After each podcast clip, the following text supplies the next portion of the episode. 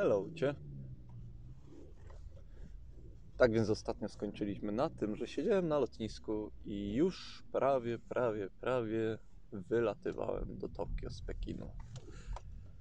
No i chyba nie będziemy już dłużej tutaj zatrzymywać tej akcji, więc po przylocie do Japonii okazało się, że wylądowałem na lotnisku, które znajduje się 70 km od Tokio mimo że było opisane, że jest to jedno z lotnisk Tokio, chyba Narikamana, czy jakoś tak. Tak czy inaczej, e, dowiadując się o tym, że hmm, okej, jestem na lotnisku, ale jestem dalej 70 km od Tokio, no to z pierwsze co stwierdziłem, trzeba znaleźć jakiś transport.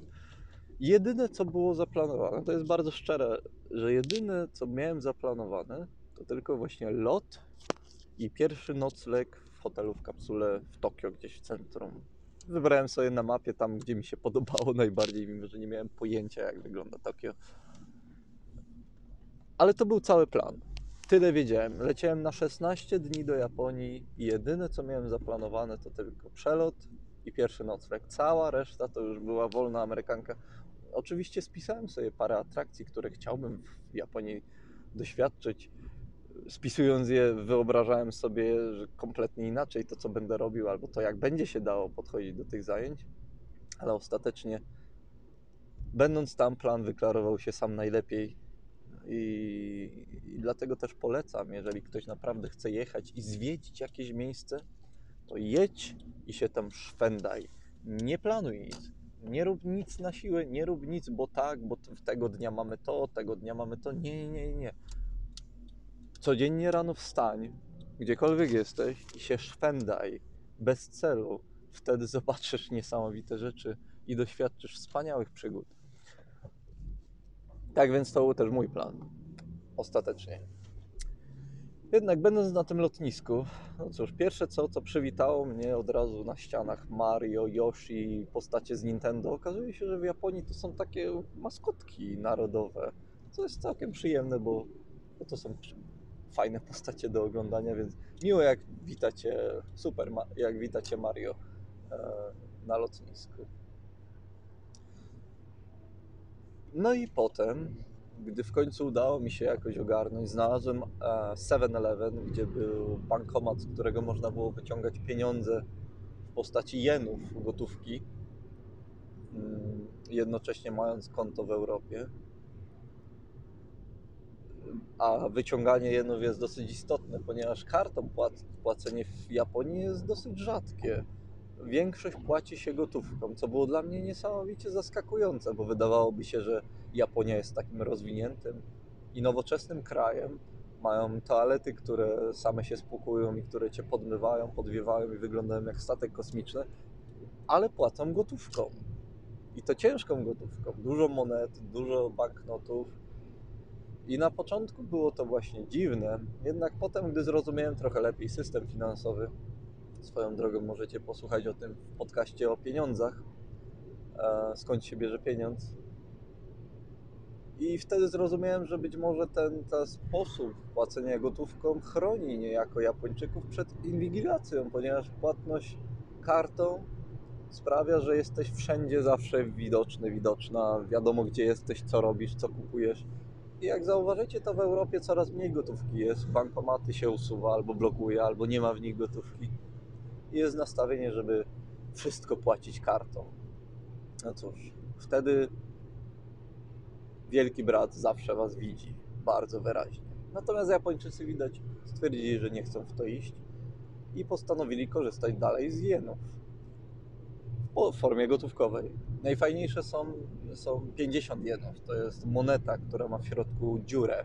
I to jest pozostałość po dawnych portfelach, bo widzicie, monety z dziurką w środku były bardzo praktyczne.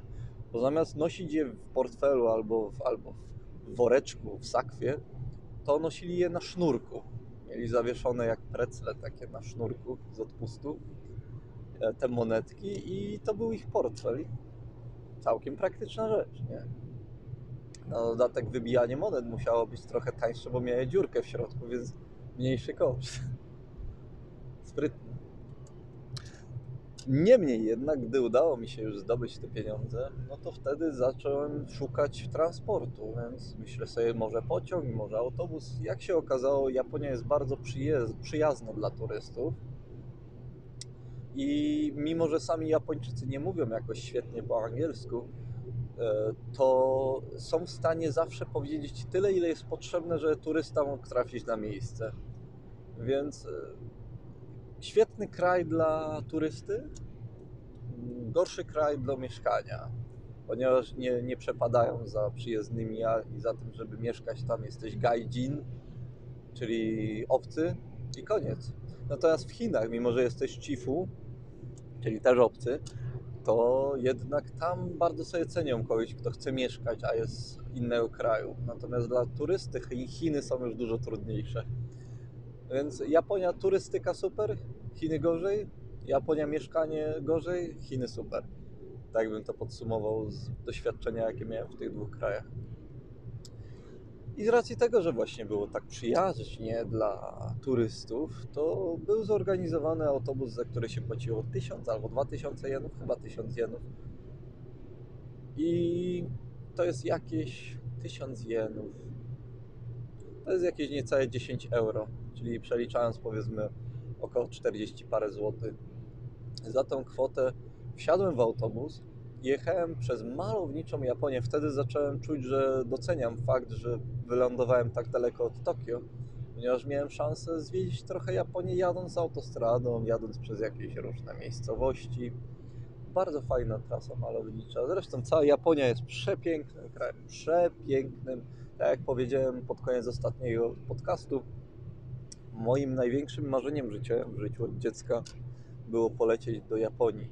Więc możesz sobie wyobrażać, drogi, słuchaczu, słuchaczko, że e, miałem wysokie wymagania, wygórowane wyobrażenia co do tego, jaka Japonia jest i jak tam będzie.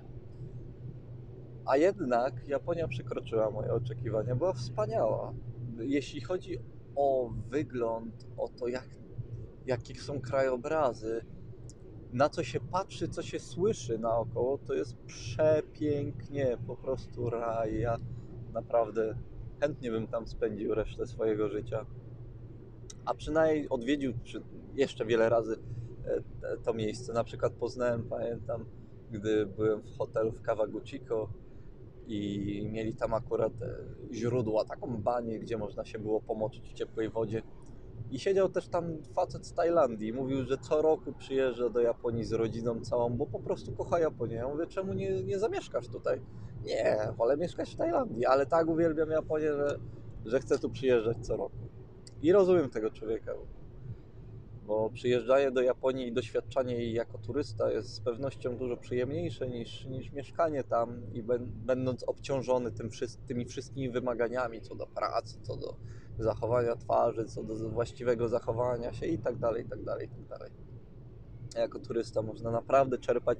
Widzicie, turysta to człowiek, który zwiedza albo doświadcza dane miejsce, nie mając żadnych przymusów, nie będąc e, uwikłanym w grę kulturalną związaną z danym miejscem. I jest to ok, jest to akceptowane, bo jesteś turystą. Więc wtedy możemy postrzegać świat trochę jak człowiek żyjący w raju. Człowiek, który e, nie jest poddatny na inne musisz tak, powinieneś tak, według mnie tak trzeba. Przez te wszystkie inne musisz, powinieneś innych ludzi, którzy nie mogą się powstrzymać przed tym, żeby nie kontrolować swojego otoczenia. Że nie, ludzie, kultura to według mnie, w ogóle sama kultura to według mnie wynik tego, z jednej strony, że my ludzie często nie możemy powstrzymać się i pozwolić życiu płynąć samemu i powstrzymać się od, od kontrolowania go. Wydaje nam się, że się zawali wszystko, jeżeli nie będziemy trzymać palca na pulsie. Jednak to, to nie jest prawda. Świat dużo lepiej sobie radzi, gdy nie próbujemy go, go blokować, gdy nie próbujemy nim rządzić, a jedynie go wspieramy i uczestniczymy w nim i cieszymy się, jak właśnie turysta. Wtedy możemy też doświadczać i oglądać danego miejsca właśnie w sposób taki chyba, jaki świat chce, żebyśmy go oglądali. Wolny, wolny, swobodny, a i tak nie jest to totalnie wolne i swobodne, bo trzeba się liczyć nad, z tym, że tą kulturę cały, cały czas gdzieś się napotyka. Jednak i w kulturze można znaleźć fajne rzeczy. Na przykład, kiedy chciałem coś zjeść w Japonii, to wchodziłem zawsze do jakiegoś do jakiejś małej restauracji lokalnej, to zawsze dbałem o to, żeby to nie była jakaś typowa e, sieciówka, gdzie jest dużo obcokrajowców i są przyzwyczajeni do tego. Zależało mi na tym, żeby jeść z tymi tubylcami, żeby, żeby, żeby kontaktować się z nimi, bo to było bardzo ciekawe. No i. O! Dziękuję. Na zdrowie. No i gdy wchodziłem, miałem jeden prosty patent. Jest takie, mm, to znaczy, jeżeli chcemy się zapytać po japońsku, co proponujesz, co polecasz, to mówisz ososumewa. I zawsze z tym zdaniem wchodziłem do tych, do tych wszystkich restauracji, do tych wszystkich lokali, gdzie nie mówili nawet po angielsku ani grama.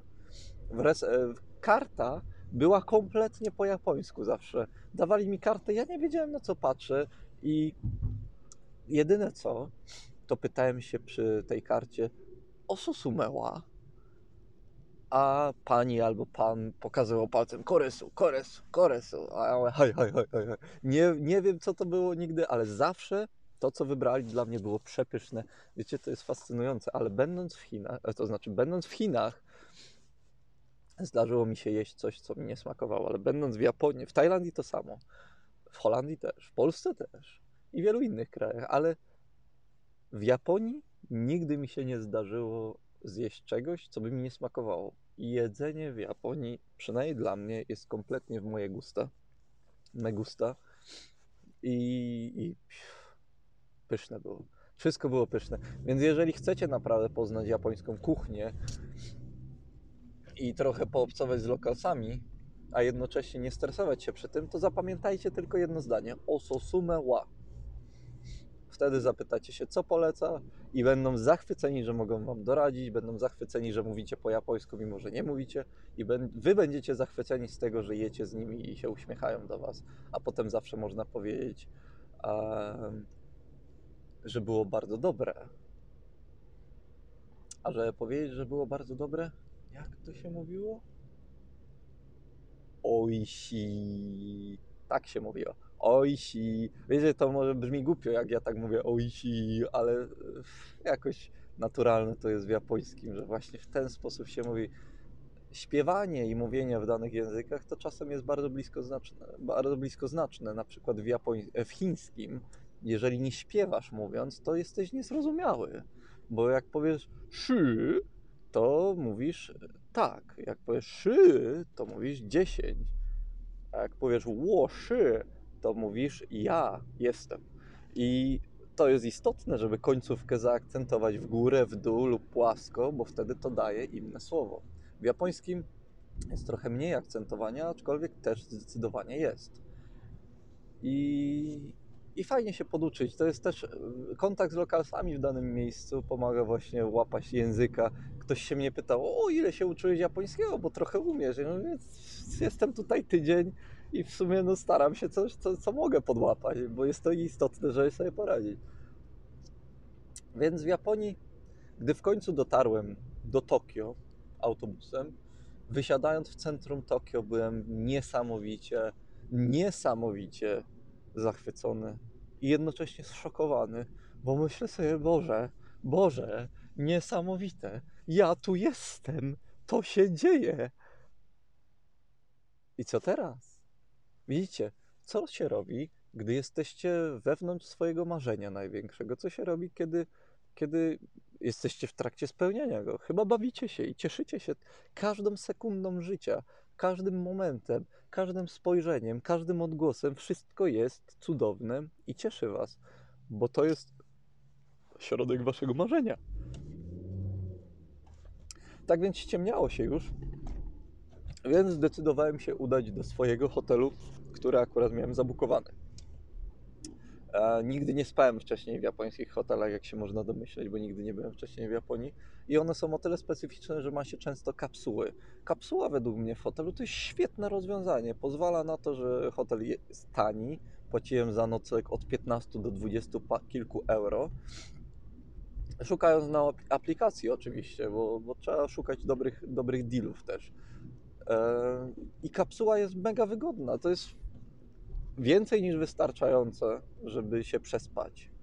Jest przytulnie. Masz prywatność, bo sobie zaciągasz albo tam zasłonkę, albo jakąś roletkę, e, albo drzwiczki jakieś zamykasz i w swojej kapsule się jest. I to jest jak w swoim pokoju. Jeżeli się leży, obrabia coś, e, chce się coś zrobić będąc prywatnie. Jedyne co, to zazwyczaj jest e, obostrzenie kartki napisane, żeby się nie, nie uprawiać seksu w tych, w, tych, w tych kapsułach, żeby nie przeszkadzać sąsiadom.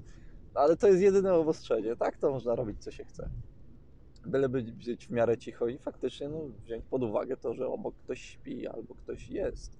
I też stara się zadbać o to, żebyśmy mieli komfort u siebie. Bo widzicie, Japończycy są bardzo mili, bardzo dbają o innych ludzi, bardzo dbają o to, żeby, żeby tobie było komfortowo. Na przykład jak robisz zdjęcia na ulicy, to oni od razu się schylą, żeby ci nie zasłaniać. Jak poprosisz im, ich o pomoc, żeby ci wskazali miejsce, pójdą z tobą, wezmą cię za rękę i cię tam zaprowadzą. Więc to jest naprawdę przemiłe. I atmosfera, jaka panuje w Japonii, takiego dbania o siebie i, i mimo, że ludzie są bardzo zmęczeni pracą, alkoholem i innymi problemami, pieniędzmi i tak dalej, to jednak czujesz się tam bezpiecznie, ponieważ czujesz, że każdy dba o siebie. I to jest przepiękne uczucie, to jest przepiękne, wiecie, to jest raj na ziemi, jeżeli jesteście w stanie wy, wykrzesać takie uczucie z człowieka, że jest poczucie dbania o siebie na większą skalę.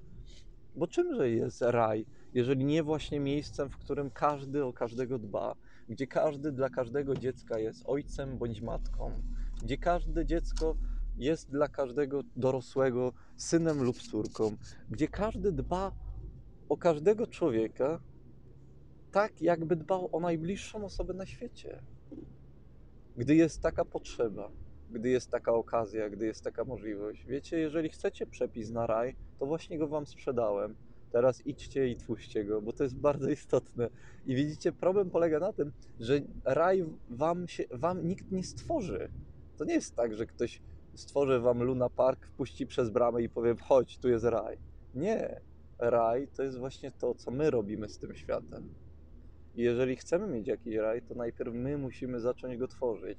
I wtedy dopiero możemy oczekiwać, że ktoś inny zacznie go tworzyć, bo wtedy dopiero wiemy, że się da.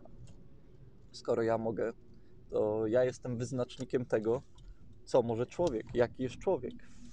Warto o tym pamiętać.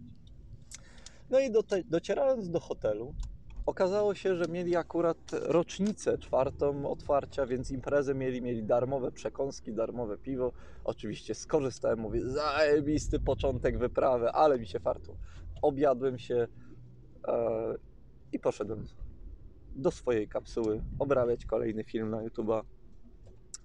No i czekał mnie tak naprawdę wyczyn na drugi dzień, ponieważ to był dopiero moment, gdy kompletnie nie wiedziałem co robić, ale jednak byłem w Japonii, więc mogłem robić co zechcę. Widzicie, gdy nie dajemy sobie planów, to można powiedzieć, nie wiem co robić.